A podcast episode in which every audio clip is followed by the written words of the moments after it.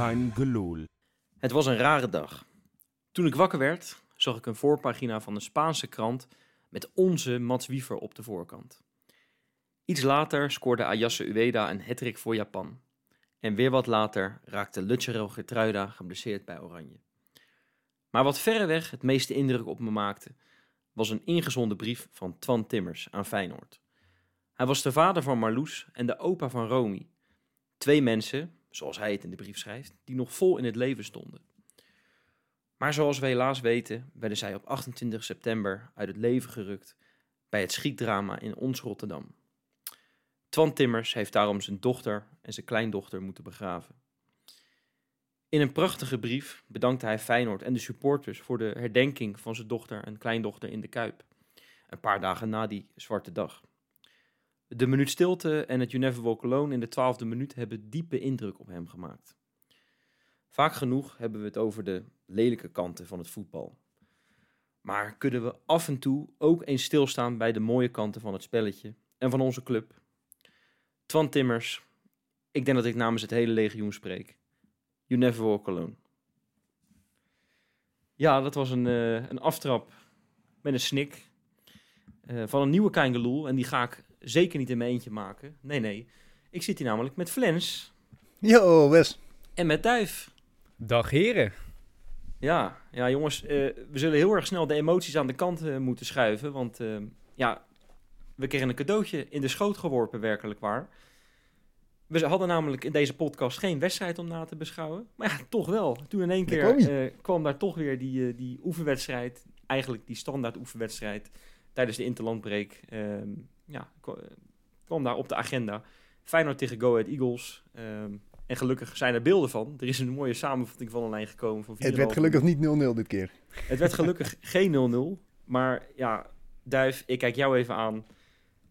Wij hebben toch die Dilrosun veel te vroeg afgeschreven met z'n allen. Hè? ja, nou. Ik, ik oprecht, het was weer even een reminder dat hij bij ons speelde. Als ik eerlijk ben. ik was het al wel weer even vergeten. En denk ik, hey, Dilrosun heeft twee keer gescoord. Nou ja, een beetje tegen de lammen en de blinden. En uh, kijk even naar de opstelling. Maar prima. Leuk voor die jongen dat hij uh, er toch even twee maakt. Toch? Lammen en de blinden. We speelden tegen de nummer 5 van Nederland. Hier, hier, moet ik Duif even steunen, want ik heb die opstelling gezien. Er stond één basisspeler in, dat was Joris Kramer. En ik weet niet of jullie weten wie er op doel stond. Dat was Erwin Mulder. Erwin Mulder, ja. En ik zou je vertellen, allemaal leuk en aardig jongens, twee doelpunten voor Dilrosun. Dat klopt natuurlijk helemaal niet.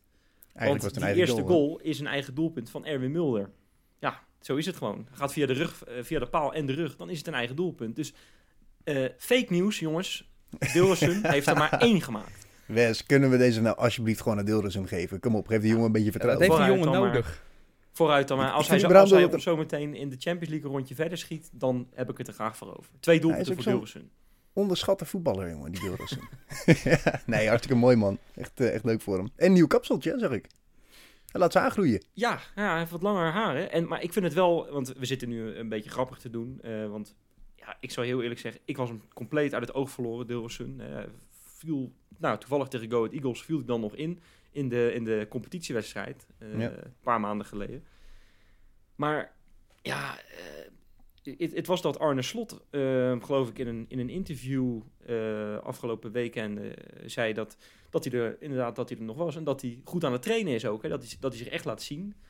En toen dacht ik, ja, inderdaad. Deels ja, dat is wel goed nieuws. toch. Ja, maar het is ook een speler waarvan, tenminste als ik voor mezelf mag spreken, dat we altijd het idee hebben dat hij, dat hij een beetje lui is en een beetje... Hij heeft niet echt een topsportmentaliteit, tenminste dat gevoel heb ik zelf altijd. Maar dan zegt het veel dat hij inderdaad hard traint en vol voor zijn plek vecht. Terwijl we inderdaad als legioen misschien wel een beetje vergeten waren. En laten we eerlijk zijn, we hebben hem voor veel geld gekocht. Dus het zou wel heel belangrijk zijn als hij, eh, als hij toch een keer gaat presteren. Nee, maar bij hem is het wel altijd zo dat, dat ik... Ik heb altijd het gevoel van, oké, okay, er zit ergens heel diep in hem een hele goede voetballer. Dat, Heel dat is Mbappé zo. Want uh, eigenlijk een soort Mbappé. nee, maar anders heb je niet ook bij Hertha gevoetbald en, en, dat soort zaken. Alleen hij laat het gewoon veel te weinig zien. En zelfs zo weinig dat wij hem haast vergeten. Uh, ja. Maar als Wes, jij toch zo'n hele... Sorry, Duif. Wes had volgens mij een hele mooie vergelijking met, uh, met Dilrosun ooit. Zat dat dat- weer? Nee, dat, dat komt. eh, ik, ik, zat in het uitvak in Heerenveen vorig jaar. En daar had hij echt een gruwelijke actie. Echt, echt dat je denkt, nou, gaat, ging er één voorbij. Balletje door de voeten. En hij maakte een pirouette. Eh, ik denk, als Zidane zat te kijken, dan liep het kwel uit zijn mond. En ik zweer het je, die actie is zo geweldig. En je denkt, nou, nu komt het. Hij had een mannetje op rechts meelopen. Daar kon hij hem aan afgeven. Eh, ik geloof dat Jiménez op links stond. Die kon hij hem afgeven. En hij kon hem ook nog zelf schieten. Ja, en toen paste hij hem compleet verkeerd terug eh, naar de rechtshalf. Die, nou, die, was ook nog niet eens in de voeten. En die, die bal, eh, die- er kwam nog een counter uit ook voor Heerenveen. En toen zei ik, het is toch een beetje alsof je Vincent van Gogh bent. En je hebt een schitterend schilderij die je aan het maken bent. En je hoeft nog één penseelstreekje over dat, over dat scherm te doen. En dan, dan ben je klaar. En ja hoor, weet je wat we doen? We flikkeren gewoon de hele eh emmer met verf over dat, eh, over, dat, over dat doek heen. ja, dat was hem, ja. Dat was hem een beetje, ja. Mooi. Ja. Ja, overigens eh, wel leuk hè. De, deed je ook weer wat, wat, ja, die jongens, onze Dordrecht boys. We gaan er later in de uitzending nog op terugkomen, want we gaan de kleine teaser. We gaan eh, alle verhuurde spelers nog eventjes uitgebreid af. Ja. Kijken hoe het met, met hen gaat. Maar Tsongui en ehm Seboui deden ook weer mee. Nou, dat is al ondertussen standaard geworden natuurlijk. Eh, dat is ook leuk. Maar ook weer een hele blik met jeugdspelers, hè? Ja. Ik geniet Ja. er echt van. Nou, die Candelaria, we hebben het er vaker over gehad in de podcast. Die, eh, die stond in de basis op linksback. En dat is toch wel een beetje de opvolger, of de logische vervanger voor Hartman. Mocht hij zich zo blijven ontwikkelen. Maar die gozer, die, eh, die blijft wel overeind, hè? Tenminste, in hoeverre je het kan beoordelen op 4,5 minuut samenvatting. Maar ik weet niet, ik vind het wel, ik vind het wel een goed teken. Ja, ik, ik zat wel één ding, vond ik wel een beetje apart om te zien. Dat was Paisao, die speelde ook nog eh, in, dit, in dit team. Ja, als ik zo even snel kijk, de enige echte basisspeler, hè, Nieuwkoop is misschien ook, eh, die, die gaat ook wel een paar keer spelen dit seizoen. Ja. Maar, maar Paisao is eigenlijk, die is eigenlijk dit soort oefenwedstrijden toch wel een beetje ontstegen, zou je zeggen, toch? Met zijn status inmiddels in het team. Maar het is dan toch een beetje alsof je, denk ik kan me zo voorstellen, alsof je in groep 7 zit op de, op de basisschool. En, en al je vriendjes en vriendinnetjes die gaan over naar groep 8 en jij moet blijven zitten. Zo is het misschien toch een beetje voor Paisao. Denk je niet? Ja, dat is eigenlijk wel een hele goede vergelijking. Ja, nou, ik denk dat Pazjou toch wel blij is dat hij gewoon lekker mag voetballen deze week. Nee, ja, hij was lekker wel- aan het dartelen ook. ja, ja, maar hij gaf die assist op die 1-0 volgens mij, toch? Op, eh, eh, Dilrosun. nou, die 2-0, hè? Die, Of die eh, tweede- die 2-1. 2-1. 2-1 moet ik zeggen. Ja, ja, ja, zeker. Trouwens, hebben jullie die, eh, die, die hokker, die werd er wel een beetje lelijk uitgelopen bij die 1-1. Ja, Heb je dat gezien? Dat heb ik gezien, ja. En, Dat is een beetje eh, de Senesi toen hij net binnenkwam, kwam eigenlijk. nou, zullen we de, als we die vergelijking doortrekken, dan, eh, dan speelt eh Hokken over, over anderhalf jaar in de Premier League. Dus eh Ja, misschien dat maar we op. dat vol moeten Het houden. zal wel lekker zijn. Hè? Ja, mooi. Jongens, het, het actualiteitenblokje, want het is eigenlijk een actualiteitenblok. Ja, we hebben er gewoon weer één. Daar gaan we even rustig mee door. Eh, jongens, op de valreep kwam natuurlijk, vlak voordat we gingen beginnen, eh, kwam natuurlijk het nieuws dat Geertruida zwaar geblesseerd zou zijn geraakt, vervangen zou zijn door These. Bleek het Fake nieuws. te gaan, maar, maar nou, het is niet helemaal fake nieuws, want hij schijnt wel degelijk geblesseerd te zijn geraakt. Misschien licht geblesseerd, dat is nog niet helemaal duidelijk. Maar eh, ja, we gaan eh, volgende week uitgebreid over die int- internationals eh, praten, uiteraard. Maar Duif, hiervoor, ja, ik kan me voorstellen, als jij nu Arne Slot zou zijn, dan zou je toch wel drie keer nadenken om die internationals af te staan, toch? Of niet? Ja, maar je moet wel. Dus het is, je kan wel willen van niet. Eh, je moet wel, dat is eigenlijk geen discussie. Maar je wordt natuurlijk helemaal gek als je dit leest. Hè, je, leent, je leent de speler even drie dagen. Hè, drie dagen is hij daar. Beetje trainen. Berichtje. Oh, Gitruida. Geblesseerd. Oké, daar gaan we weer. Weet je wel. En dat, dat, van. zal niet voor de eerste keer zijn dat dat gebeurt. Hopelijk valt het allemaal wel mee. Of is het een miscommunicatie. Of whatever wat het is. Eh, maar ja, je zit dan als eh, John de, Wolf, John de Wolf zijnde, als Arne Slot zijnde, zit je op die bank te kijken en dan denk je, ah. Ja. En Nou, natuurlijk wij als supporters ook, toch? Want, want ik weet niet wat er door jullie heen ging toen je het las. Ik denk niet dat we dat in de podcast moeten benoemen. Wat er door mij. Nou, ik kan er wel Maar- genuanceerd over praten, maar ik dacht eigenlijk gelijk aan, eh, ja, oké, dan maar de Europa League. Want ik denk, nou, dan hoeven we tegen Atletico niet eens meer aan te treden zonder, zonder onze, onze Geert Ruijden natuurlijk. Hè. Maar dat is natuurlijk, nee, dat is natuurlijk, wij kunnen gigantisch doemdenken als Feyenoord. dat hebben we wel geleerd. En Daar zitten we eh, op. Hè? dat is mij zeker niet vreemd, maar nee, maar het ik- is wel een goed teken dat hij, dat hij nog niet weg is bij Oranje. nee, dat is zeker een goed teken. Ja. Dat zegt wel in dat, het, dat, het, dat hij niet zijn kruisband heeft Misschien is het wel een beetje een storm in een glas water, wie zal het zeggen. Laten we dat het is op hopen, dit moment nog Laten niet hopen. te Laten zeggen. we, het hopen. Laten we het hopen dat we al als bij het eh, stoppen van deze uitzending, als we op eh, de stopknop drukken, dat, we, dat het nieuws alweer achterhaald is. En dat die Ja, eh, dat, dat eigenlijk... het eh, een keertje andersom. In plaats van hè, dat, dat het nieuws een keer ons positief inhaalt. Ja. Dat zou ook wel lekker Ja, zijn een ja, keer. plan. Hè? Ja, ja, ja, precies, precies. Nou, jongens. Ja, een ander, ander dingetje in de actualiteit. Een dingetje. We gaan er, eh, we gaan er eventjes uitgebreid over, over babbelen. Eh, ik had het eigenlijk achter me gelaten, jongens. Die, eh, die bekerwedstrijd in die, die halve finale. eh, Ja. vorig jaar tegen Ajax natuurlijk. Hè. De- waar het natuurlijk helemaal misging met die aansteker op het hoofd van Klaassen. Maar misschien nog wel belangrijker, de uitschakeling. Dus ik, ik heb het ver, ergens ver weggestopt. In een, in een kastje waar ik, waar ik niet meer Ja. aan wil komen. Het is zo eentje die niet, niet meer wil, nergens, nooit meer over na wil denken eigenlijk. Maar ja. Maar we gaan het toch doen.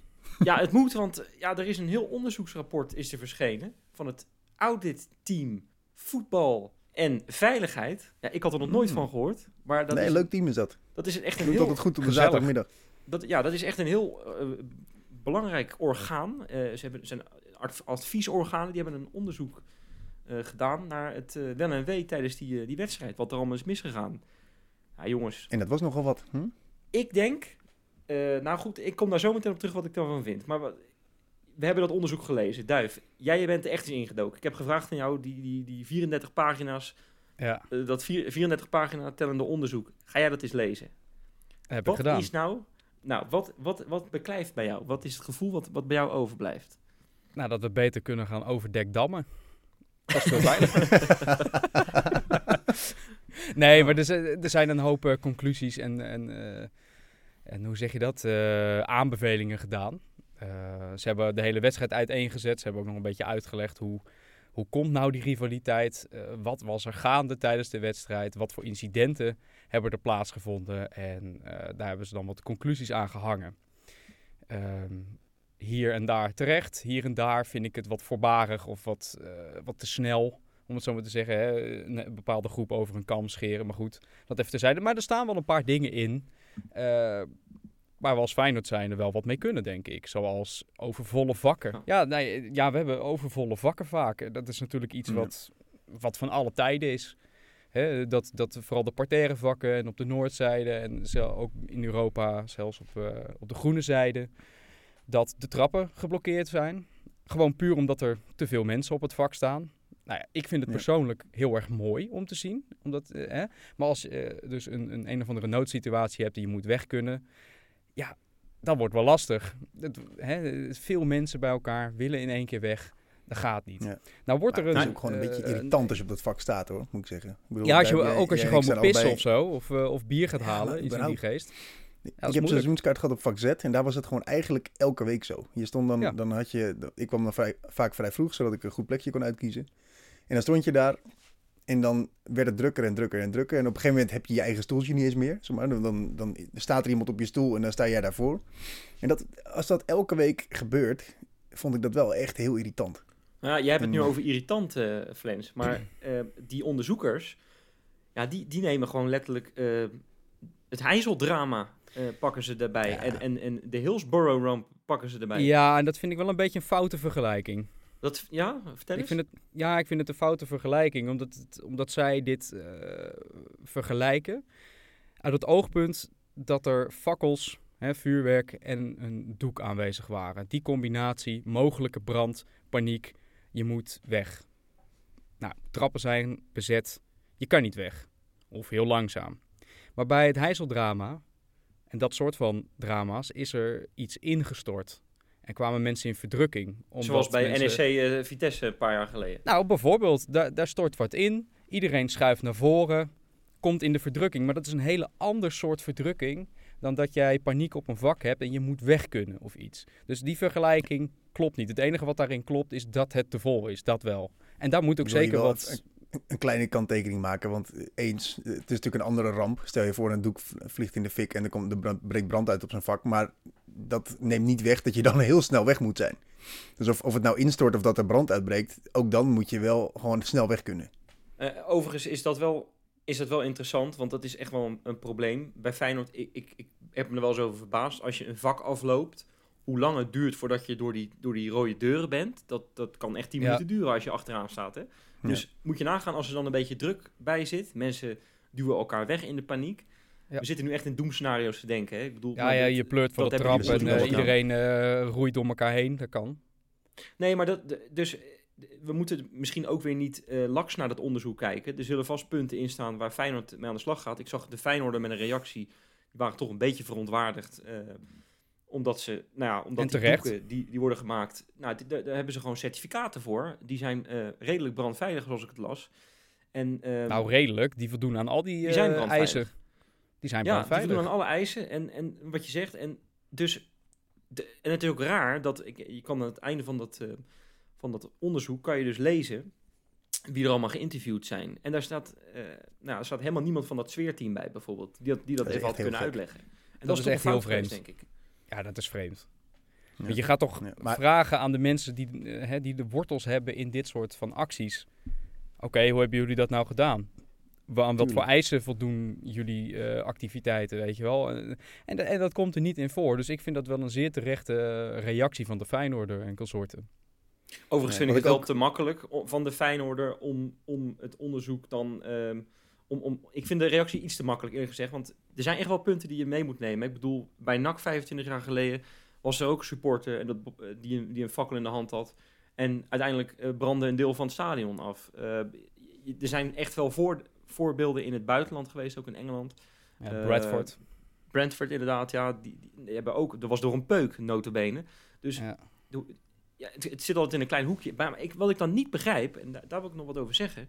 Vorig jaar, weet je het nog? Ajax Feyenoord, eh, 2022, die we helaas verloren met 3-2 door die late goal van An- Anthony, die Engert. Was, was dat die ene wedstrijd waarop de halve F-site niet? Nou, dat wil ik maar net zeggen. Nee, maar Ja. daar, daar, Ja, daar nee, gaat eens. een doek in de fik. En als, ik heb even zitten kijken, dat oude team eh, voetbal en veiligheid, die doen meerdere onderzoeken.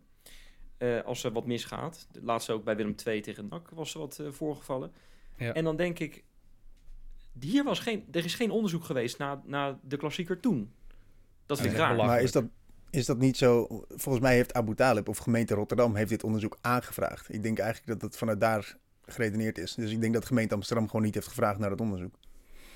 Je zegt daar wel wat leuks, want je zegt eh, de gemeente vraagt dat. Nou, de burgemeester Abu Talib heeft hier ook op gereageerd. En die had nogal een bijzondere reactie, vond ik. Die zei namelijk, en ik citeer ongeveer, niet helemaal precies, maar die zei iets in de trant van... Jongens, ik, wil, ik zit erover na te denken om dan dit soort sfeeracties met doeken en vuurwerk en fakkels te verbieden. Jo, En dan denk dat was ik, nog niet het geval. maar vuurwerk en fakkels zijn altijd al verboden. Ten alle tijden. Ja. En ook al heel erg lang. En dan denk je, wa- waarom zegt zo'n man dat? Wat, wat, wat is dit? Nou ja, dat is toch gek? Dat, uit dat onderzoek kwam volgens mij een van de aanbevelingen was dit, dat ze geen doeken groter meer dan anderhalve meter breed en één meter hoog geloof ik zouden moeten toelaten in de kuip. En dat is natuurlijk het enige waar ze nog wel invloed op hebben. Dat ze zeggen, nou we gaan grote spandoeken dus niet meer, niet meer toestaan. En dat lijkt me niet helemaal de conclusie. Nou, dan gaan we, dan gaan we weer met, met, die, met, die, eh, met die papiertjes omhoog. Met die gekleurde papiertjes, weet je nog? Daar kan je Ja, toch dat ook... is toch eh, niet hetzelfde? Nou ja, Nee, dat ja, ziet, er, maar ziet er ook gaaf uit. We hebben het er ook jarenlang in de Kuip gehad. Ja, dat gebeurt nog steeds wel eens, toch? Zeker. Maar ik ja, denk maar dat, dan ik krijg denk je dat dat, dat van de Feyenoorder. Dat die doeken dus aan al die eh, regels voldoen. En brandveilig zijn. Dus, hè? En sowieso vuurwerk er is sowieso al verboden. Dus hè? je kan niet iets verbieden wat Maar- al verboden is. Het ding is natuurlijk, jongens, die Abu Talib die moest er natuurlijk ook wel iets over zeggen. Hij heeft dat onderzoek aangevraagd. Er komt er onderzoek uit met best wel flinke, serieuze aantijgingen richting, richting Feyenoord en de veiligheid. Hij kan er natuurlijk niet zijn schouders op halen en zeggen, oké, nou, bedankt voor het onderzoek, we gaan weer verder met leven. Hij moest daar natuurlijk ook wel iets op reageren. Nee, maar het is toch raar dat, dat hij dan uiteindelijk nog een reactie mag geven ook. Terwijl hij al geïnterviewd is. Hij is, hij is een van de geïnterviewden in, eh, in dat onderzoek. Dus eh, zijn bevindingen zijn ook al meegenomen. Dan is het echt een beetje van wij van eh, WC Eend Ja. adviseren WC Eend. Ja, en ik vind sowieso dat, dat hele clubje... Kijk, Abu Taleb, die, eh, die is daar vaak als, als de kippen bij... als het gaat om, om Feyenoord even aanpakken, als het, als het kan, hè, publiekelijk. Ja. Dat vindt hij heerlijk. Daar lijkt hij echt, eh, echt op te slapen. Op, en ik, ik, ik denk, joh, we hebben het net in, de, in, in, de, in mijn opening... heb ik het er even over van... laten we nou ook eens de mooie kanten van die club benadrukken. Hè? En ik weet zeker dat hij nu, als hij die brief leest... Dat, dat, dat, dat gaat, daar gaat hij niks over zeggen in de media. Terwijl dat is toch ook Feyenoord. En laat dat nou ook eens de boventoon voeren. Maar wat ik nog, wat, nog iets anders wat ik wilde zeggen. Ik heb even gekeken, wie zit er nou in dat, in dat oude team? Hè? Wie zijn nou die mensen Ja. die dat onderzoek eh, doen? Nou, er zit dus, dit gaat Johan leuk vinden. Er zit de burgemeester van Zoetermeer in. er zit de burgemeester van Volendam in. Ehm, en daar zit ook de officier van justitie, een oud bestuurder van de voetbalclub. Maar ook jongens, ja, ik moest hier heel erg op lachen. Dit is een, eh, een oud politiechef. En ik denk dat hij zijn naam heeft veranderd, want hij heet Ad Heil. maar ik weet zeker dat hij eigenlijk Onheil heet. ja, dat zou zo mooi eens kunnen. Ja, Ja, Ja. mooi, mooi clubje mensen wel. Gezellige barbecues, ja denk ik. dat gaat leuke barbecues opleveren inderdaad. Ja, dus, eh, Ja. Maar weet je, Maar nou, ik denk dat dat ook niet meer mag. Dat is, wat is Nee. dat gevaarlijk. Barbecue onder een bik aansteker. nee, maar er zijn, er zijn nog wel één puntje die, ik- die ik wel even wil aanhalen. Eh een, van die, eh, een van de dingen die uit het onderzoek kwam was ook dat we misschien naar stoelnummering toe moeten in de Kuip. Op alle vakken. En ik heb daar persoonlijk wel een mening over, omdat ik op de gele zijde zit. En ik vind het wel prettig dat we dat niet hebben. Maar eigenlijk ontkom je er misschien niet meer aan om dat te gaan doen.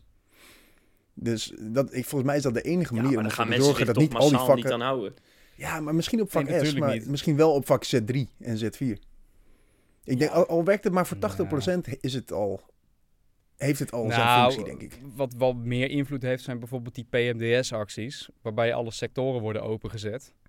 En dat mensen al op Ja, het terrein zelf niet. zijn. Ik geloof niet dat er vanaf de gele zijde of vanaf een andere zijde mensen naar vak Z of vak W gaan. Dat komt allemaal vanuit de eigen zijde. Mensen die op P zitten en die fanatiek zijn, gaan naar W1. Dus dat, ik denk dat dat sectoren sluiten, dat dat niet zo heel veel zin heeft. Ja, we- weet je, ik vind, het, ik vind het een moeilijke discussie. Want we kunnen hier een discussie gaan houden over vuurwerk wel of niet in het stadion. Moeten we geen grote sfeeracties meer doen? Weet je, ik geniet er altijd van als er een sfeeractie is. Kijk, je, Ja. je hoeft niet, eh, je hoeft niet zo'n fikkie te stoken dat het lijkt alsof... er- alsof eh, nou, wat, Duif, wat was jouw grap ook alweer na Ajax eh, vorig jaar? Dat je, dat je 100 Pirelli-banden in de fik steekt. Ja, Dat alsof je de Tata Steel een soort dependance in Rotterdam is begonnen op X. Zo zag was, het dat, eruit. was, dat was hem inderdaad. Nee, kijk, dat hoeft van mij niet. Maar eh, af en toe is een fakkeltje, ja, dat... Ja, ik, ik heb Nou ja, dat, dat vind mee. ik En- ook zo'n ding. In, in- in dat onderzoek is vuurwerk vuurwerk. In zekere zin klopt het ook wel, maar er zitten zoveel gradaties binnen vuurwerk. Hè? Wat, Ja. wat, wat zijn de effecten? Hoe steek je het aan en hoe gebruik je het? Nee. En- maar hebben jullie bijvoorbeeld, we zitten natuurlijk allemaal best wel regelmatig in de Kuip. Hebben jullie wel eens eh je onveilig gevoeld in de Kuip met bijvoorbeeld een vuurwerkactie?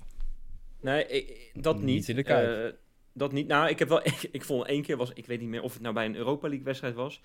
Dan werd er letterlijk van dat, van dat eh, siervuurwerk afgestoken. Gewoon dus, dus van die pijlen die gewoon, Ja, gewoon ontploffen gewoon. En dan. En die, Ja, en die, die, die klapte gewoon vlak voor je neus gewoon open. Hè? Toen dacht Ja. ik. ja nou, dat is ook een ding. Hè? Dat staat ook in dat onderzoek. eh, weggeschoten projectielen. Dat zijn eigenlijk twee dingen. Of uit de hand geschoten vuurpijlen. Nou, vind ik niet heel Ja, verstandig ja, om dat- te doen, maar prima. Dat hoeft, van, dat hoeft van mij niet zo. En die enorme knallen, eh, dat, je, dat je oorsuizen voor het leven oploopt, hoeft van mij ook niet zo. Ehm, maar ik vind een fakkeltje hier en daar, ja jongens, eh, kijk, ik heb daar niet zoveel moeite mee. Als het niet mag en, en het levert Feyenoord boetes op, moeten we het niet doen. En ik vind, kijk, Feyenoord en eh, de Feyenoorden en ook alle andere supportersgroepen, want er wordt in dat onderzoek gedaan alsof er 131 verschillende supportersgroepen zijn die allemaal hetzelfde doel hebben om Feyenoord naar voren te jagen, zeg ik maar eventjes gechargeerd.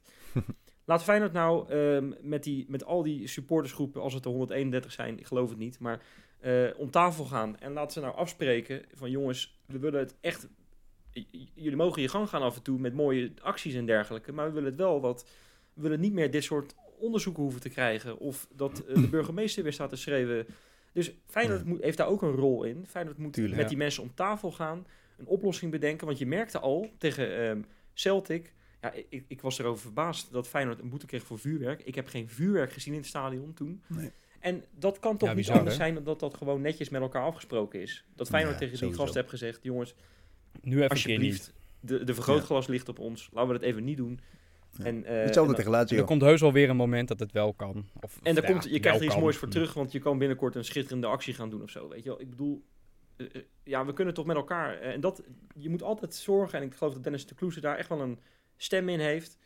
ehm, dat, je, dat, je de, dat je met elkaar eh, door één deur kan, dat je elkaar helpt en dat je, ehm, nou, dat, dat je uiteindelijk samen voor zorgt dat je een geweldige sfeer in het stadion hebt. Nou, ze hebben wel eens een mooie compromis gesloten. Dat was toen tegen de wedstrijd tegen Rangers. Dat er buiten het stadion op een gebouw een eh, bepaalde vuurwerkactie werd eh, gehouden. Wat je dan in het stadion nog kon zien en vooral horen. Eh, in ja, combinatie inderdaad. met wel een doek of een andere soort sfeeractie. Maar ja, dat kan ook niet elke keer. Dat snap ik wel. En ik snap ook dat... Maar, laat ik zo zeggen, ik ben persoonlijk een groot voorstander van vuurwerk. Omdat ik het gewoon mooi vind. In wat voor vorm dan ook. Ik weet gewoon dat het niet mag. Jammer dan, Ja. helaas. Maar hè, ik vind het wel mooi om het te zien. Ook in het buitenland. Eh, Nog één, één laatste dingetje nog over, over dat vuurwerk. Ja. Dat moest ik wel een beetje om glimlachen. Ik vroeg me dus altijd af, hoe komen ze nou aan 100 fakkels binnen in de Kuip? Toch? Dat, ik denk, ja, neemt iedereen dat dan mee in zijn, in zijn broek of in zijn schoen? Of hoe, hoe, hoe doen ze dat? Maar het blijkt dus gewoon dat een rugzak over het, over het hek wordt gegooid. Ja. Met genummerde fakkels. Ja, daar kan ik En toch wel, gezien. van genieten.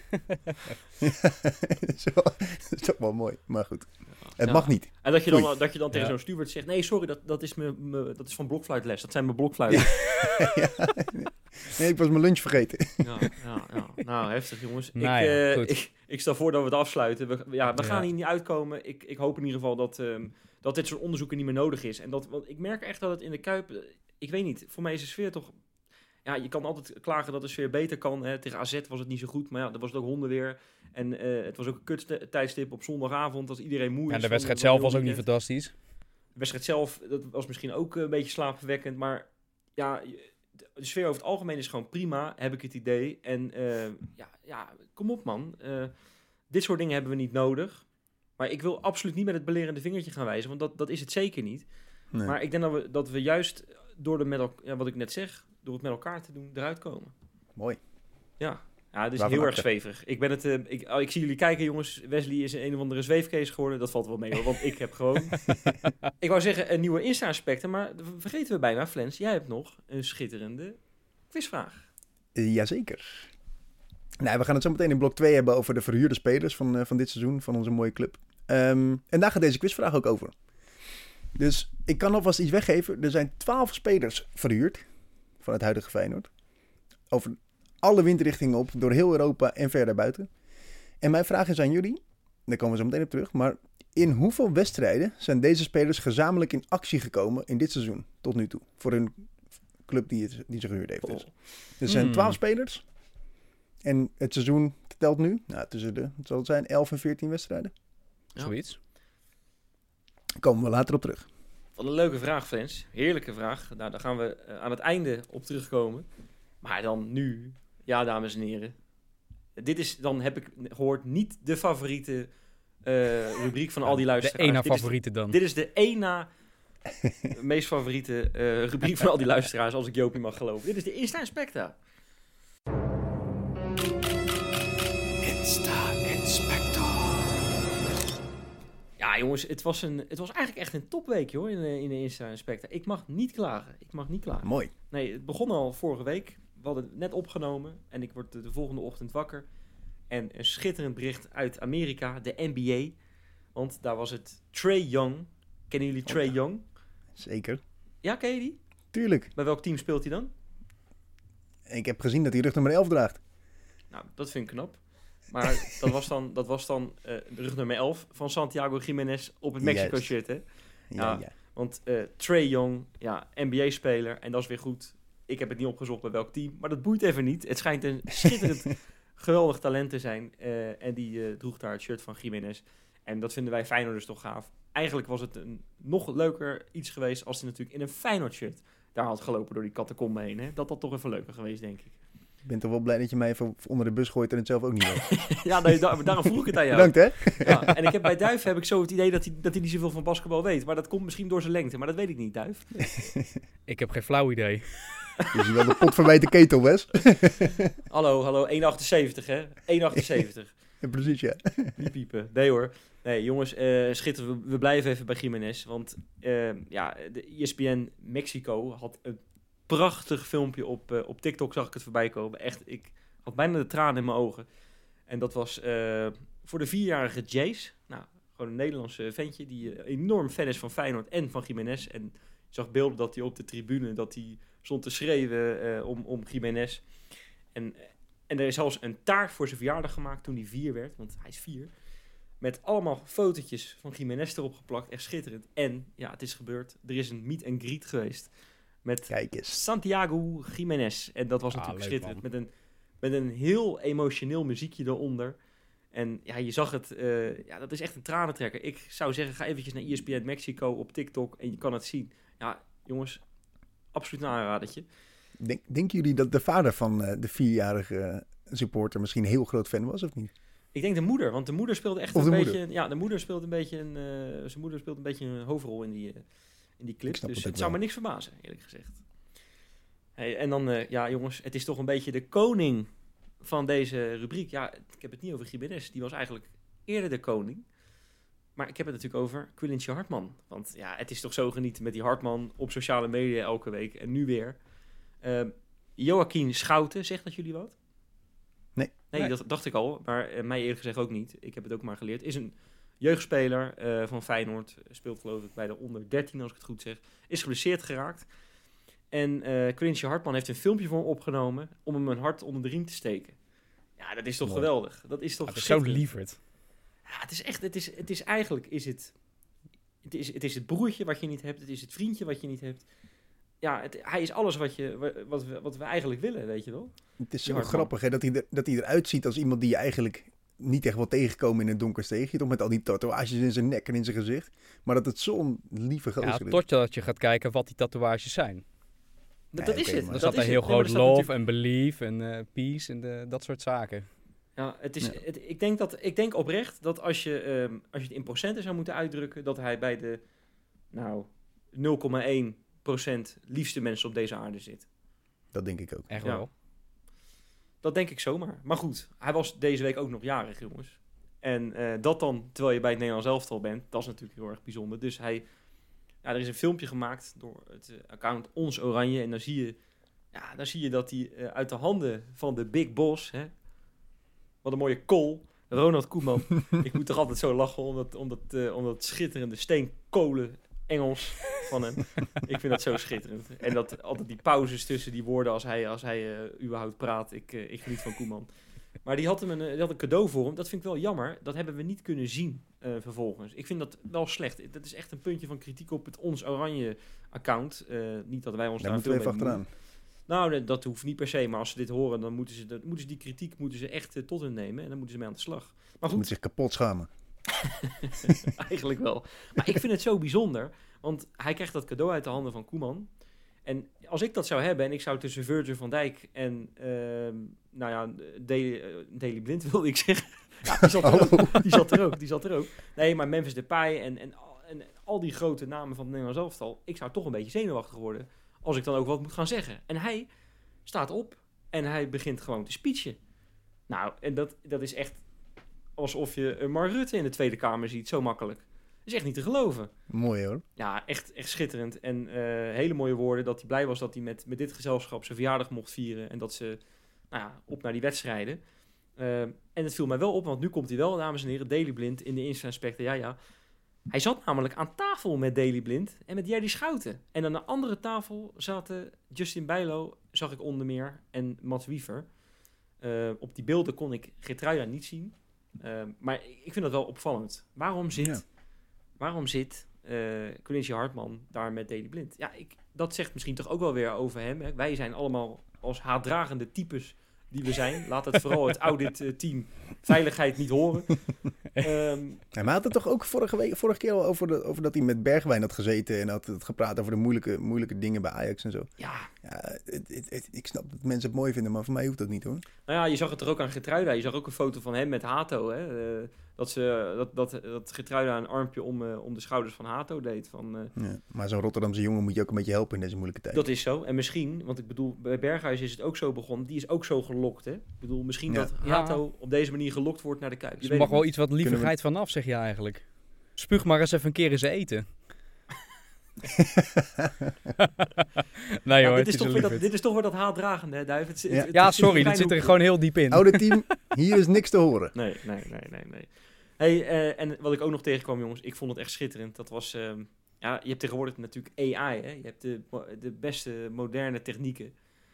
En eh, er was iemand zo slim geweest om alle stadions eh, van, eh, van de grote clubs in de Champions League, want daar horen we tussen, hè? tussen de grote Mm. clubs in de Champions League, Hè, de, in het miljardenbal, daar zitten we gewoon bij. Ehm, maar daar werd ook de Kuip eventjes door de AI-machine gehaald. En eh eventjes, en daar had iemand erbij, had erbij had ervan gemaakt, maakte van het Feyenoordstadion het Kinderdijk Windmill Village. Ja, en, en dan had je dus echt een heel slechte, heel slechte variant van de Kuip. Het, het leek eigenlijk meer op een soort Slavia Praag stadion, als, als je het mij vraagt. Maar dan tussen zo'n soort, ja, een soort rondje aan, aan letterlijk van die, van die huisjes van, van dat kinderdijk. En allemaal die molens eromheen. Het was echt schitterend gemaakt. En, eh, ja, Ik zag, echt leuk. om hier even op in te haken, ik zag ook dat, voor mij, heb je dit van 433 of was het een ander kanaal? Want ik had 433 had het ook ja, gedaan. klopt. En die had, Dus het, met die die had onder andere ook het, ook het Sparta-stadion, het kasteel, had dus ook gemaakt. En dat was gewoon drie keer zo groot als de Kuip. Toen dacht ik wel, hm, Ja, dat, dat Volgens mij gaat kasteel, jullie dat leek een beetje een soort Hogwarts. ja. Ja, ja schitterend. Nou ja. ja. dat zijn mooie dingen, dat AI, jongens. Eh, het- Hoe lang gaat het nog duren voordat we naar een AI-wedstrijdje van Feyenoord zitten te kijken, vraag ik me af. Dit kan alleen maar één grote ramp worden. Ja, ik denk het ook. Ik denk het ook. Nou ja, zeg het niet tegen het oude team, hè. Want Ik die, wou zien hier, die zien hier toch wel weer... Oh jongens, ik zie daar trouwens een Boeing 747 door mijn raam vliegen. Gaat Dit het kan echt zomaar op je huis storten. Ik wou net zeggen, ja, een oude team. Nee, Een ramp zit in een klein hoekje. Eh, ja, absoluut.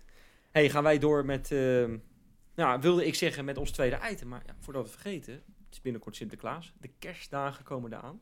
Ja. Zeker. Hebben jullie hem al? Ik heb hem nog niet Jij in mijn handen. nog niet? Oh, Ik heb hem ook maar niet ik heb in hem mijn handen. in bestelling. Maar eh, dat gaat niet lang meer duren. Nee, nee, nee, nee, nee. Want ja, mensen die, eh, die hem hebben, die weten het waarschijnlijk waar we het over hebben. Heb je hem nog niet? We hebben eh, schitterend leuke t-shirts hebben we ehm, nou, laten produceren. Eh, in een paar hele Ja, mooie kleuren. Vier verschillende leuke. kleuren. Echt heel mooi. Ja. Ja, eh, Rob was kleurenblind, dus die kon ze niet uit elkaar halen, de kleuren. Hè? Maar er zit eh, rood bij, er zit groen bij, er zit grijs bij. En er zit Zwart bij. zwart bij, uiteraard. Ja, het zijn echt hele eh, mooie shirts. Het- De kwaliteit is heerlijk. Ehm, het, valt, het valt goed. Het is unisex shirts zijn het. Dus vrouwen kunnen er ook eentje bestellen, uiteraard. Maar die, Voor de vrouwen één maatje klein. één maatje kleiner. Ja, één maatje kleiner. En Maar ze zijn echt mooi, hè? nou goed, ik zeg al, het, nou goed, het, het, het wordt Sinterklaas. Er waren een hele hoop shirts al uitverkocht. Nou, er zijn ondertussen weer nieuwe. Dus als je nu, Tweede druk. als je die nu wil, ja, tweede druk. Lijkt er wel een, eh, alsof we een boek hebben uitgegeven. Nee, het gaat om t-shirts. maar als je nou zo'n t-shirt wil, dan is het nog op tijd voor Sinterklaas. En hartstikke leuk nieuws. Ben jij een beetje een kouklem? Ik zie Flens bijvoorbeeld, die heeft nu een enorm dikke trui aan. Ik zie, nou, zit ik zie. Duif ook, heeft ook een enorm dikke trui aan. Zeker. Ja, er zijn ook twee truien, dames en heren. Dus ik zou zeggen, ga eventjes naar keingeloel.nl en daar kan je het vinden. We hebben een webshopje daar en ja, dan vind je er vanzelf de weg, denk Ja. ik. Weet je, onderbreek even de podcast. Ga even naar de site. Kom op. Gewoon de Ja. koe bij de horens vatten hier. We wachten wel even. Ja, en dan zijn we nu aangekomen bij het, eh, het item waar ik altijd zo gigantisch naar uitkijk. We gaan weer eens eventjes de verhuurde spelers onder de loep nemen. Het zijn er twaalf op dit moment. Het zijn echt veel. Ja, hè? Ja, eh, en des te leuker onder is een, een heel item eh, aan eh, echt flink uit te wijden over die jongens. En we dachten, we gaan het serieus aanpakken. We gaan niet alleen maar op transfermarkt kijken. We doen het niet alleen maar met die samenvattingen die we af en toe eens voorbij zien komen. Nee, we gaan ook echt mensen bellen. We gaan, we gaan eh, nou, ik, heb, ik heb clubwatchers gebeld. Ik heb zelfs El Bombastico heb ik contact mee gehad. Hè? In Argentinië, ja. Dus we hebben het echt Goed zeg. serieus aangepakt. Absoluut. Ja, en Duif, jij komt nog wel eens bij Dordrecht. Dus jij kan daar ook wat Zeker. eh, over vertellen. Maar ik zeg, joh, laten we gewoon eens eventjes die hand in die grabbelton doen. En Duif, wat komt eruit? Wie, van wie wil je het eerste wat weten? Nou, ik zou wel eens wat willen weten over Patrick Walemark. Nou, die heb ik zo klaar voor je. Ik heb namelijk eventjes met eh, Frank Molema geappt. Dat is de Heerenveen-watcher voor Aha. verschillende kranten in het noorden. Ja, die lezen wij natuurlijk nooit, hè? Die, eh, die krant in het noorden. Dus Nee. zit zo hoog. Ja, die komen niet eens naar ons toe. Nee, precies. Je hebt kans dat die eerder in Denemarken worden bezorgd dan, eh, dan bij ons. Maar Nou, dat nee, maar wel, het is ja. wel, leuk, want Walemark ging natuurlijk wat dichter bij huisvoetballen. Hè? Dichter bij Zweden. Ja. Maar het, het is nog niet echt op een succes uitgedraaid. Sterker nog, het is eigenlijk een beetje een ramp. Ehm, hij is namelijk geblesseerd binnengekomen. Vervolgens heeft hij zich eh, een beetje erin geknokt. Vijf wedstrijdjes gespeeld, één goal. En nu weer geblesseerd. En ehm, ja, dat zegt Ja, balen. Frank Molema. Het had eigenlijk samen met Sarawi had het toch een beetje echt flinke entertainment vanaf de vleugels moeten worden. Hè? Sarawi op links Ja. en Walemark op rechts. De, de Scandinavian eh, ja, train, zullen we maar even zeggen. En ja, het, het is het nog niet geworden. Het is een beetje wishful, think, eh, wishful thinking geworden. Ja, en volgens Kees van Wonderen zit er alweer eh, slijtage op de heup op dit moment. Nou, stijfheid op de heup, laat ik het, laten we het zo noemen. Geen slijtage, Ja, want laten we ja, hopen ja, dat het ja. snel goed komt. wel een probleem bij hem. Hè? Hij heeft altijd wel ergens een kwaaltje of een blessuretje. Of, het is zo zonde, want die jongen kan zo goed Het voetballen. is wel een beetje een pechvogel. Ja, ik vind dat, ik vind dat bizar, want hij is het gewend op, op kunstgras te voetballen. En, en vaak raken spelers toch geblesseerd op eh, die ondergrond. Maar Nou ja, dus Walemark, jongens, het, is, er- het komt er nog niet helemaal uit. Ehm, dus nee, nou ja, goed. Ik eh, zou zeggen, gaan we gewoon door met de volgende. Ja, ik ben er toch eigenlijk wel benieuwd, Duif. We hebben het net al genoemd. eh, Die, die Dort Boys. Jij zit daar heel Ja. erg vaak, hè? Want dat hebben de mensen wel eens uitgelegd. We hebben natuurlijk seizoenkaarten bij Dordrecht. Ehm, Ik zit er wel met enige regelmaat in. ja, absoluut. En je vindt het ook echt leuk, hè? En, en je geniet natuurlijk van het, Het voetbal, want ze staan er gigantisch goed voor natuurlijk, die Dort Boys, hè? Ja, nee, ze, ze doen het hartstikke goed. Het is een beetje jammer dat ze afgelopen week dan weer met 1-4 van Jong PSV hebben verloren. Ja. Dat, dat, dat, dat begrijp ik trouwens echt niet, want daarvoor winnen ze gewoon dik van Cambuur, dik van Den Bosch. En, eh, ongelooflijk hoe makkelijk dat allemaal gaat. Eh, maar dat even tezijde, voor de rest gaat het heel goed. En er zitten natuurlijk vier van onze jongens zitten daar. Het Zand, Seboui, Chongui en Osondina. Ja. Bijvoorbeeld die Seboui heeft eh 14 gespeeld, waarvan eh 14 in de basis, allemaal dus. Drie goals, één assist. Is eigenlijk een beetje de middenvelder, annex rechtsbuiten. En ja, ik ben daar toch wel erg van onder de indruk van die jongen. Hij is wel vrij wisselvallig, moet ik zeggen. Ehm, de ene wedstrijd kwakkelt hij een beetje, maar de andere wedstrijd dan heeft hij acties, jongen. Heel goed in de kleine ruimtes. Heeft ook het overzicht, kan een steekbal door de linies heen geven waar eh, die spits wat aan heeft. Of bijvoorbeeld iemand, hè, voor ons een oude bekende, Jari Schuurman, want die is daar eigenlijk de grote man. Eh, die kunnen elkaar ook wel aardig vinden. Dus daar ben ik wel aardig van onder de indruk. Maar, maar, maar, ja, maar ik wil daar eventjes op doorgaan. Ja? Want ik, ik sprak namelijk de clubwatcher eh, van, Door, van, van FC Dordrecht, Arco Bomgaars. Supergozer trouwens. Ehm, Mhm. En die vertelde mij dat, nou, dat hij inderdaad echt... Het is echt een attractie hè, in Dordrecht. Maar Ja, ja, het rendement, daar zijn ze nog niet zo tevreden over natuurlijk. Hè. En de wisselwerking met de linksback, eh, John Hilton, eh, is dat vaak. Ja. Die komt gewoon van de amateurs. Dat is ook wel een mooi verhaal trouwens. Ehm, dat laat ook nog een beetje te wensen over. Als je natuurlijk bij Feyenoord... ja ik zei trouwens net rechtsbuiten, maar ik bedoel linksbuiten. Nee, we- ik snap hem. Maar ehm, dat betekent Ja. wel...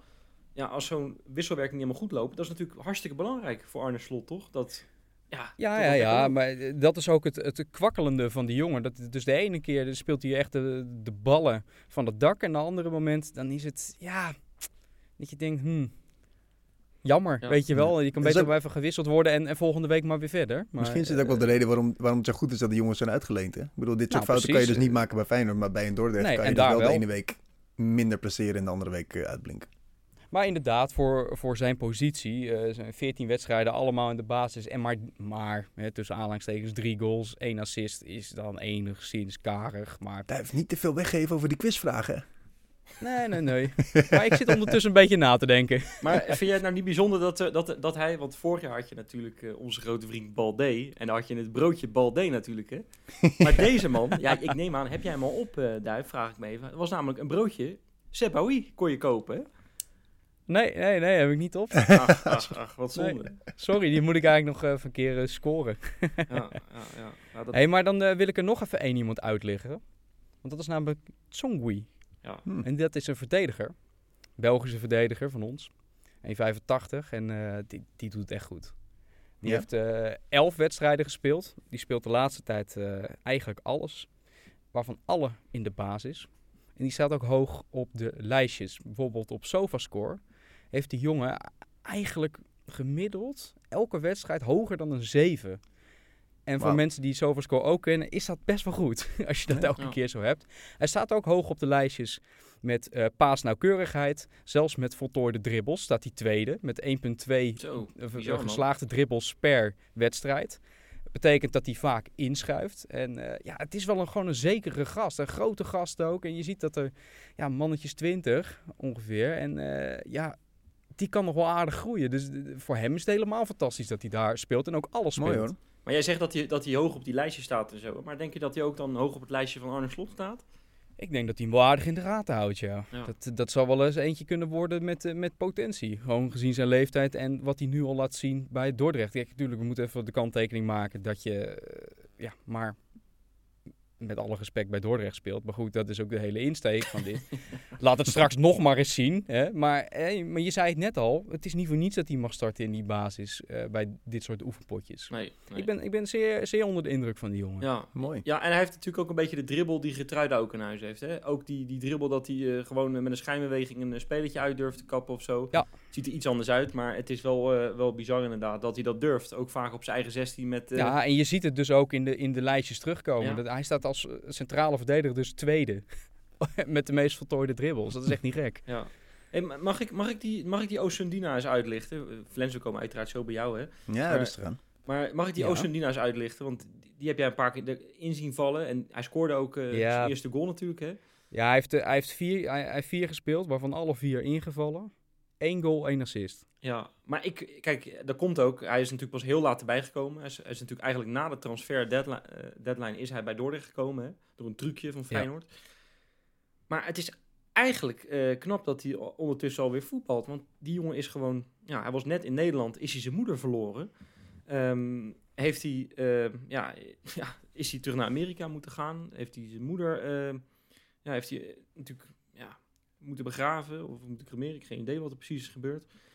En dan is het eigenlijk bizar dat ik, ik zag hem vorige maand al ergens op beelden, zag ik hem na een overwinning alweer meefeesten. Ik vind dat echt heel knap, dat je zo de knop eh, kan omzetten. Want het lijkt me echt niet makkelijk. In een heel onbekend land, eh, weg uit je veilige omgeving en je moeder verliezen, dat is echt, dat is echt pittig hoor. Nou, maar misschien eh, put, put hij wel hopen uit die, uit die afleiding die hij daar heeft bij Dordrecht. Ja. Dat hij daar echt volledig voor leeft en daar nu echt voor gaat. En daar ook zeg maar, het plezier van het leven in terugvindt. En wellicht heeft hij eh, zijn moeder ook wel eh, goed, eh, goed afscheid van genomen. Dat zou natuurlijk ook kunnen. Maar het is, het is wat je zegt, het is heel knap voor Ja. een jongen. Zeker op die leeftijd. Ja, het zand, die zien we misschien binnenkort wel weer terug op eh, 1908, hè? denk je niet? Ja, dat zou wel kunnen, ja. In de zin dat hij, dat hij eigenlijk gewoon tekort komt om, ja, om bij Dordrecht te spelen. Omdat er eigenlijk op elke positie wel iemand staat die, die Ja. op dit moment beter is dan, dan hem, toch? Klopt. Ja, nee, eh, zijn perspectief ziet er niet heel goed uit. Daarnaast heeft hij wel, kijk, eh, wel gewoon 12 gespeeld. Maar van die 12 eh, is hij 9 keer ingevallen. En ook best wel kort vaak. Dus eh, ja, ik snap wel als ze hem terughalen. Ja, goed. Flens, eh, ik was eigenlijk wel benieuwd, want ik heb jou eens de opdracht gegeven. Zoek jij nou eens contact met Oostenrijk? Eigenlijk was het het werk van Jopie, maar dat zullen we er maar niet bij zeggen. Maar, Ik had al een hele, ik had al een heel verhaal bedacht. maar eh Casemiro, waarvan jij de- zo, nog een paar podcasts geleden zei dat hij nog bij Feyenoord zat. Ja, Casemiro is natuurlijk een van mijn favoriete Feyenoorders. nee, het eh, ja, inderdaad. Ik had, daar, ik had er een klein foutje bij gemaakt eh, een paar weken geleden. Door te denken, toen Lopez in werd gebracht op de rechtsbackpositie tegen Lazio was dat.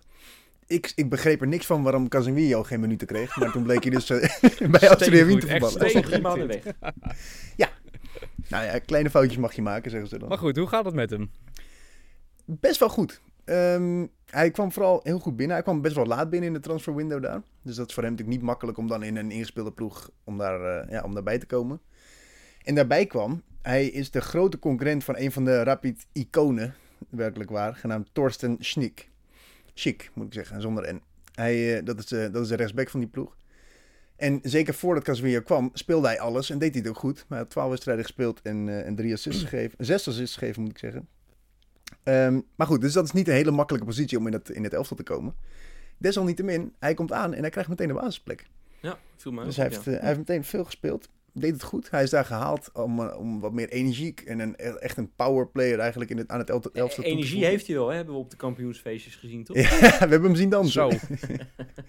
Ja, dus hij, ja, hij moest dus een beetje power in dat elftal brengen. En dat doet hij dus goed. Daar, eh, daar zijn ze ook, eh, ook best wel heel erg blij mee. Maar de, kan, de, de kanttekening die erbij geplaatst moet worden... is dat hij toch nog steeds wel veel naïeve en, en een beetje domme foutjes maakt.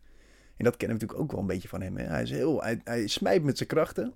Maar in de passing Ja. is hij niet altijd al te zuiver. Wel strak, maar niet altijd in de goede voeten. Dus dat, eh, ja, dat, ja, dat halen, ze daar, eh, halen ze daar ook aan. Maar eh, ze zeggen eigenlijk voor de, zowel de club als de speler als voor Feyenoord is dit wel een win-win transfer. Want hij concurreert dus met een van hun, eh, een van hun iconen. Speelt ongeveer de helft van de tijd. Ehm, leert daar heel veel van. Omdat er zoveel competitie en zoveel druk op die positie staat. Dus eh, die journalist is eigenlijk wel ervan overtuigd dat, eh, dat we met, eh, door deze transfer een sterkere Casemiro terug in Rotterdam gaan krijgen. Dus eigenlijk een positief verhaal. Goed om te horen, man. Leuk. Ja. Ja, top. Overigens, ja, er zijn natuurlijk ook wat jongens die we niet zo goed kunnen beoordelen. Dat zijn de Excelsior Boys onder andere. Hè? De hartjes natuurlijk geblesseerd, kruisbandblessure. Benita, ja, ik heb het net over. eh, gaan we het zand misschien wel eh, sneller terugzien op 1908. Maar ik denk dat het voor, voor Benita zeker geldt. Die heeft nog geen 200 minuten Ja. gemaakt bij Excelsior. Ja. Zit vast achter Siebe Horemans. Is laatst zelfs als linksback ingevallen. Ja, eh, dat, dat zegt Ja. ook wel wat. En ja, eh, volgens mij eh, heb ik daar Arne Slot ook over horen zeggen... dat, dat het ook niet zo heel erg goed is voor Feyenoord... als die eh, alleen maar daar eh, op de bank zit. Dat hij dan beter Nee. eh, bij het eh, tweede elftal weer kan gaan spelen. Grappig hè, want als je, dit, als, je, als je naar dit elftal, of naar dit elftal, naar dit twaalftal, naar dit lijstje kijkt, dan was dit eigenlijk misschien wel een van de namen waarvan ik het meest had verwacht, Benita. Ja, ik Ik ook. had er hele hoge verwachtingen van, maar eh, het komt er dus niet uit. Ik heb er nog één voor jullie, jongens. Want ehm ja, Bujoude, ik heb hem net al even genoemd. Onze Ja, Argentijnse ja. vriend El Bombastico. eh, ik heb er even via via contact mee gezocht, moet ik zeggen. Ehm, maar eh, hij heeft gereageerd. En ehm, ja, het, het gaat niet zo goed met Bujoude op dit moment. Nee. Eh, ging natuurlijk naar, terug naar eigen land, want daar is het gras wat beter voor hem. Hè? Dat hebben we natuurlijk allemaal meegekregen. Ja. Het gras in de Kuip is niet goed genoeg. Je wint verdomme eh, 181 keer achter elkaar die prijs voor de beste grasmat. Maar meneer Bujoude is gefrustreerd over het grasveld. Nee, het was niet, niet goed genoeg, het was gewoon anders. Ja, het was anders. Nou, goed. Dat zeg ik ook altijd als ik het eten niet lekker vind. Zeg ik, nou, ik vind het, een beetje anders. Maar, ehm, nee, maar die is dus naar Boca Juniors gegaan. En dat is natuurlijk nou, de grootste club van Argentinië. Onlangs nog eh die Copa Libertadores finale gespeeld, Mooi. verloren. Ja. Ja, eh, Die zat, hij niet bij, nee, die zat niet helaas. bij de selectie. En toen dacht ik, heeft dat nou met regels te maken misschien? Hè? Als je bijvoorbeeld tussentijds getransfereerd wordt, dat je dan net zoals in de Champions League ook niet mag spelen. Dat is niet zo, want hij zat gewoon al die potjes, zat hij, eh, of bij de meeste van die potjes zat hij op de bank, halve finale nog tegen Fluminense. Nee, dus Nee. zeg ik dat goed? Fluminense. Nee, Fluminense Dat was de finale. Flamingo was het dan. Eh, nee, ook niet goed. Palmeiras. Ja, jongens, al die Braziliaanse clubs, het is ook geen. Palmeiras. Het is ook geen, het is ook geen, de afgelopen jaren, eh, maar die heeft de afgelopen jaren die Copa Libertadores gewonnen. Nou. dus dat is ook geen eh, gekke tegenstander. Nee, zeker niet. Maar die Bujoude, ja, die doet het gewoon niet goed. Want hij, hij heeft daar geen minuten gemaakt. Hij heeft wel elk, bijna elk potje dat hij kon spelen in de competitie is hij wel ingevallen of zo. Ja. Ik geloof dat hij ook zelfs mocht beginnen tegen River Plate. Dat dachten we allemaal van zo, kijk eens, hij doet het hartstikke goed. Maar dat is helemaal niet zo. Hij speelt wel af en toe is, maar hij zit ook wel eens niet bij de selectie. Ehm, en ja, en hij laat eigenlijk de keren dat hij speelt, laat hij niks zien. Nee, dus ja, die eh, ja, gaat het helaas ook, lijkt het niet te redden. Ja, dan hoop ik eigenlijk, Flens, dat jij nog een beetje positief nieuws hebt met eh, Tija- Tijani Touré. Die we natuurlijk bij Ja, Dordrecht hebben gezien afgelopen jaar. Die gaat toch als een raket in dat Portugal, of niet? Niet normaal, hè? nou, dat Moeten we het veiligheidsteam er weer bij roepen, of niet? nee, Want de vlammen, die, eh, de, de vonken spatten eraf, hè? Niet normaal. Nee, ja, het- dat valt helaas een beetje tegen. Hij begon wel heel goed. Mm. Hij, eh, hij speelt bij het eh, Portugese Gil Vicente. Ehm, is er daar, daar naartoe verhuurd. Natuurlijk een prachtige club in, in Portugal. Ja, wij hadden, wij, hadden, wij hadden elkaar vanmiddag aan de lijn. En toen, toen eigenlijk, als je de gemiddelde Portugees zou vragen... Joh, hoe, doet, hoe doet die Touré het nou bij Gilles Vicente? Dan denk ik eigenlijk dat ze zeggen... Wie? Gilles Vicente? Wie is dat? Is dat, is dat een gerecht? Is dat, een- is dat een oud-dictator? Is dat een zanger? Wie is dat? Ja, het is natuurlijk geen, geen enorme club. En hij speelde ook niet alles. Maar hij begon, laten we positief beginnen. Dat deed hij namelijk ook. Ja. Hij begon goed. Hij, eh, hij maakte eigenlijk in zijn eerste twee wedstrijden, of in zijn eerste drie wedstrijden, maakte hij meteen twee doelpunten. Als invaller dan wel te verstaan. Het is natuurlijk een linksbuiten. Ehm, maar daarna is het een beetje bergafwaarts gaan. Ik moet wel zeggen, één van die doelpunten maakt hij tegen, jullie kunnen het misschien raden, onze oude captain. Benfica? Tegen Benfica inderdaad. Krankzinnig. Dus dat is, natuurlijk, dat is natuurlijk wel mooi, dat je daaruit een doelpunt maakt. Ehm, maar goed, sindsdien is het eigenlijk een beetje bergafwaarts gegaan. Hij speelt weinig. Hij heeft één keer nog een basisplekje gehad tegen Vizela. Maar daar heeft hij eh, geen assist en geen doelpunt kunnen, kunnen maken. Ehm, hij heeft op de, in de totale teller staat nu op 245 minuten. Hm. Waarin hij dus ja, twee doelpunten heeft gemaakt. Op zich, qua minuten en rendement valt het nog wel mee. Maar het is verdeeld over, ja, ik geloof, 12 wedstrijden. Dus het is eh negen wedstrijden, zie ik hier op mijn lijstje, excuus. Ja. Dus het is, het is nog geen enorm succesverhaal. eh, maar wat niet is, kan nog komen. Het is een jonge jongen. Hij heeft het bij Dordrecht wel laten zien. Dus ik ben, eh, ik ben heel benieuwd. Nou, Laten we het hopen. Dan hebben we er nog twee. En eh één is Thijs Jansen. En jij hebt het net over jongens waarvan je veel verwacht had. Maar van Thijs Jansen had ik echt veel verwacht. Die doet het Ja. Deed het bij de onder 21 altijd eh, best wel goed. Deed vorig jaar voor mij best wel goed in die keukenkampioen-divisie. Gaat naar de graafschap. Ja, daar zit daar. Heeft gewoon per. Nee, maar er zit daar dan Mees Bakker. eh, heeft hij dan als concurrent.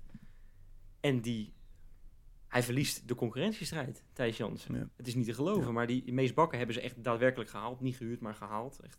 Dus die ligt daar vast. Dus ik snap wel dat ze die jongen de kans geven. Maar die zie ik de ene na de andere week een catcher maken. Echt, Ja. eh, zoals eh, Jan-Joos Verganger dat altijd zegt, een flinke catcher.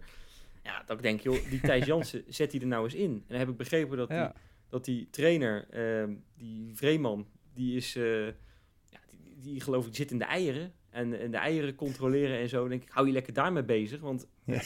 keepers, eh, met keepers heb je blijkbaar geen verstand. Dat is echt niet te geloven. Nee. Ja, is zonde, maar het is ook voor Feyenoord helemaal kloten natuurlijk. Want als, je- ja, als je als keeper die concurrentiestrijd verliest op het begin van het seizoen... dan kan je eigenlijk er wel van uitgaan dat je dus heel weinig gaat spelen. En dat, dat is nu het geval. Dus eigenlijk hebben wij helemaal niks aan deze uitleenperiode. Nou, jongens, dan hebben we er nog één. En dat is eh, Ramon Hendricks van Vitesse. Ja. Ja. En eh, ja, ik heb eh, vanmiddag even aan de, aan de lijn gehangen met de clubwatcher van eh, Vitesse, Lex Lammers. Ehm, die kan ondertussen een boek schrijven over wat hij allemaal meemaakt bij die club. Want die club die is Goh. op dit moment... Is, is het ja, letterlijk eh, alsof er een soort... Nou, soort ruïna... Ik wilde zeggen lawine. naar, beneden, naar beneden komt. Dat is echt niet te geloven bij die club. Ja, het is Ja. ongelooflijk daar. Alles hè? zit daar tegen. Zo'n grote puinhoop. puinhoop met die, met die Russen eh, en, en, en die Amerikaan die het nu overneemt. Dat ja. gaat allemaal niet goed komen. Dus het is daar echt, ja, het is de vraag hoe lang bestaat die club nog? Maar ja, Hendricks, eh, wel leuk voor hem, hij speelt alles. Hij is daar gekomen, hij heeft de eerste drie wedstrijden nog bij Feyenoord op de bank gezeten. Is daar gekomen, eerst met twee invalbeurten, daarna speelt hij alles, bijna alles ook 90 minuten. En ehm, ja, wat, wat, nou, bij Vitesse zijn ze ontzettend positief. Eh, Lex Lammers heeft onlangs met een Duitse scout gesproken en die zei... Het zou me niks verbazen als hij over, over een paar jaar in de Bundesliga speelt. Eh moesten we een beetje ja, denken aan eh, Mickey van der Ven. Dat zou zomaar ook zo'n route kunnen zijn die Ramon Hendricks gaat afleggen. Toen zei ik, nou, dat denk ik niet. Want let maar op, Hansko gaat zo meteen weg. Dan kan hij daar gewoon spelen. Als hij goed genoeg is in ieder geval. Want hij maakt nog alles een foutje. Vitesse staat op dit moment niet voor niks laatst in de competitie. Ze hebben ook nog eens de meeste goals tegen van de hele Eredivisie. En daar staan, zou je zeggen, toch niet de minste achterin. Hè? Met Izimat Merin, eh, kampioen geworden met PSV. Geloof twee keer zelfs. En Ramon Hendricks heeft slaapmomentjes, heeft foutjes die hij maakt. Ja, ja, ja, ja. Ja, en gaat gewoon mee in de malaise. Al heeft hij zeker zijn goede momenten. Ehm, maar eh, Hij heeft eigenlijk alles om een, om een hele goede verdediger te worden, maar hij is het nog niet. nee. Nee. Kunnen we het zo Ja, maar misschien is het gewoon eh, het verkeerde moment op de verkeerde plek. Want dat is natuurlijk een soort negatieve spiraal waar dat Vitesse in zit. Dat is heel verschrikkelijk. Ja, hij had ook bij Utrecht, toen hij voordat hij geblesseerd raakte, had hij ook een hele goede, had hij wel een hele goede periode. Dus inderdaad, misschien, misschien is dat het wel duif. Nou jongens, eh, wie van deze hele rij zien wij in Feyenoord 1 spelen volgend jaar? Zullen we gewoon eens een eh, leuke voorspelling doen? Ik denk dat het, eh, ik denk dat het Casemiro is. Oh ja? Nou, Ja. kijk, dat vind ik een leuke. Duif, wie denk jij? Ik denk eh Chongui als Trauner ermee uitscheidt of Geertruida gaat weg of iets in die geest. Ik sluit, ik sluit me bij je aan. En, eh, en eigenlijk vind ik het heel erg jammer dat Hartjes bij Excelsior niet speelt. Want die begon zo geweldig. Ook in die Ja, wedstrijd anders tegen, kan je hem noemen tegen natuurlijk. Ajax. Ehm, ja, als Wiever zo meteen weggaat. Hè, die gaat naar Barcelona natuurlijk voor 180 miljoen. Ja, 190 dat wordt een nieuwe Busquets. hè? Ja, absoluut. Dan, dan had Maskets, sorry. Ja, nou ja, precies. Nou ja, goed. Jongens, we sluiten dit blokje af. Hebben we uiteraard nog die prachtige quizvraag. Precies. Nou, we hebben natuurlijk we hebben wat informatie nu kunnen inwinnen als luisteraars. Ehm, we weten ongeveer hoe alle spelers het doen. Ja, Maar nou ben ik toch wel benieuwd. Hebben jullie een idee? En wie wil er beginnen? Want ik zal de vraag nog één keer stellen. We hebben dus 12 verhuurde spelers dit seizoen. We hebben ze net allemaal behandeld. De vraag is: in hoeveel wedstrijden zijn deze spelers gezamenlijk in actie gekomen tot nu toe bij hun nieuwe club? Dus hoeveel wedstrijden mag ook een invalbeurt zijn? Hoeveel wedstrijden hebben deze jongens op hun naam gezamenlijk? En het zijn er 12. Oké. nou, Duif mag Wil er iemand beginnen? Nou, Duif. Ik zeg eh 75.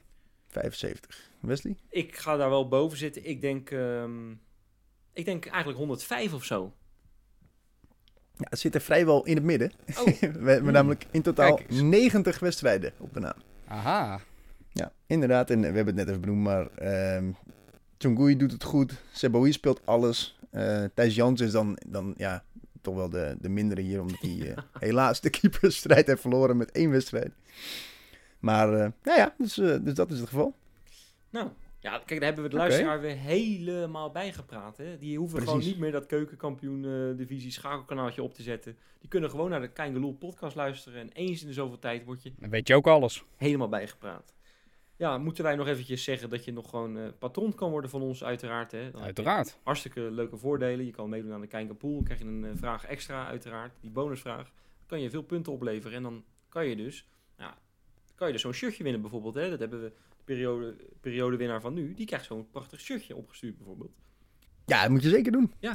Nou, ik eh, denk dat we, dat we hem zo prachtig hebben afgerond, jongens. Hey, Volgens mij was het een heerlijke aflevering. Ja. ik heb genoten. ik heb genoten. Jongens, bij de Hoop het Lucjes, luisteraar ook. ik ga jullie bedanken Oké. weer. En ik zou zeggen, Yo. tot maandag.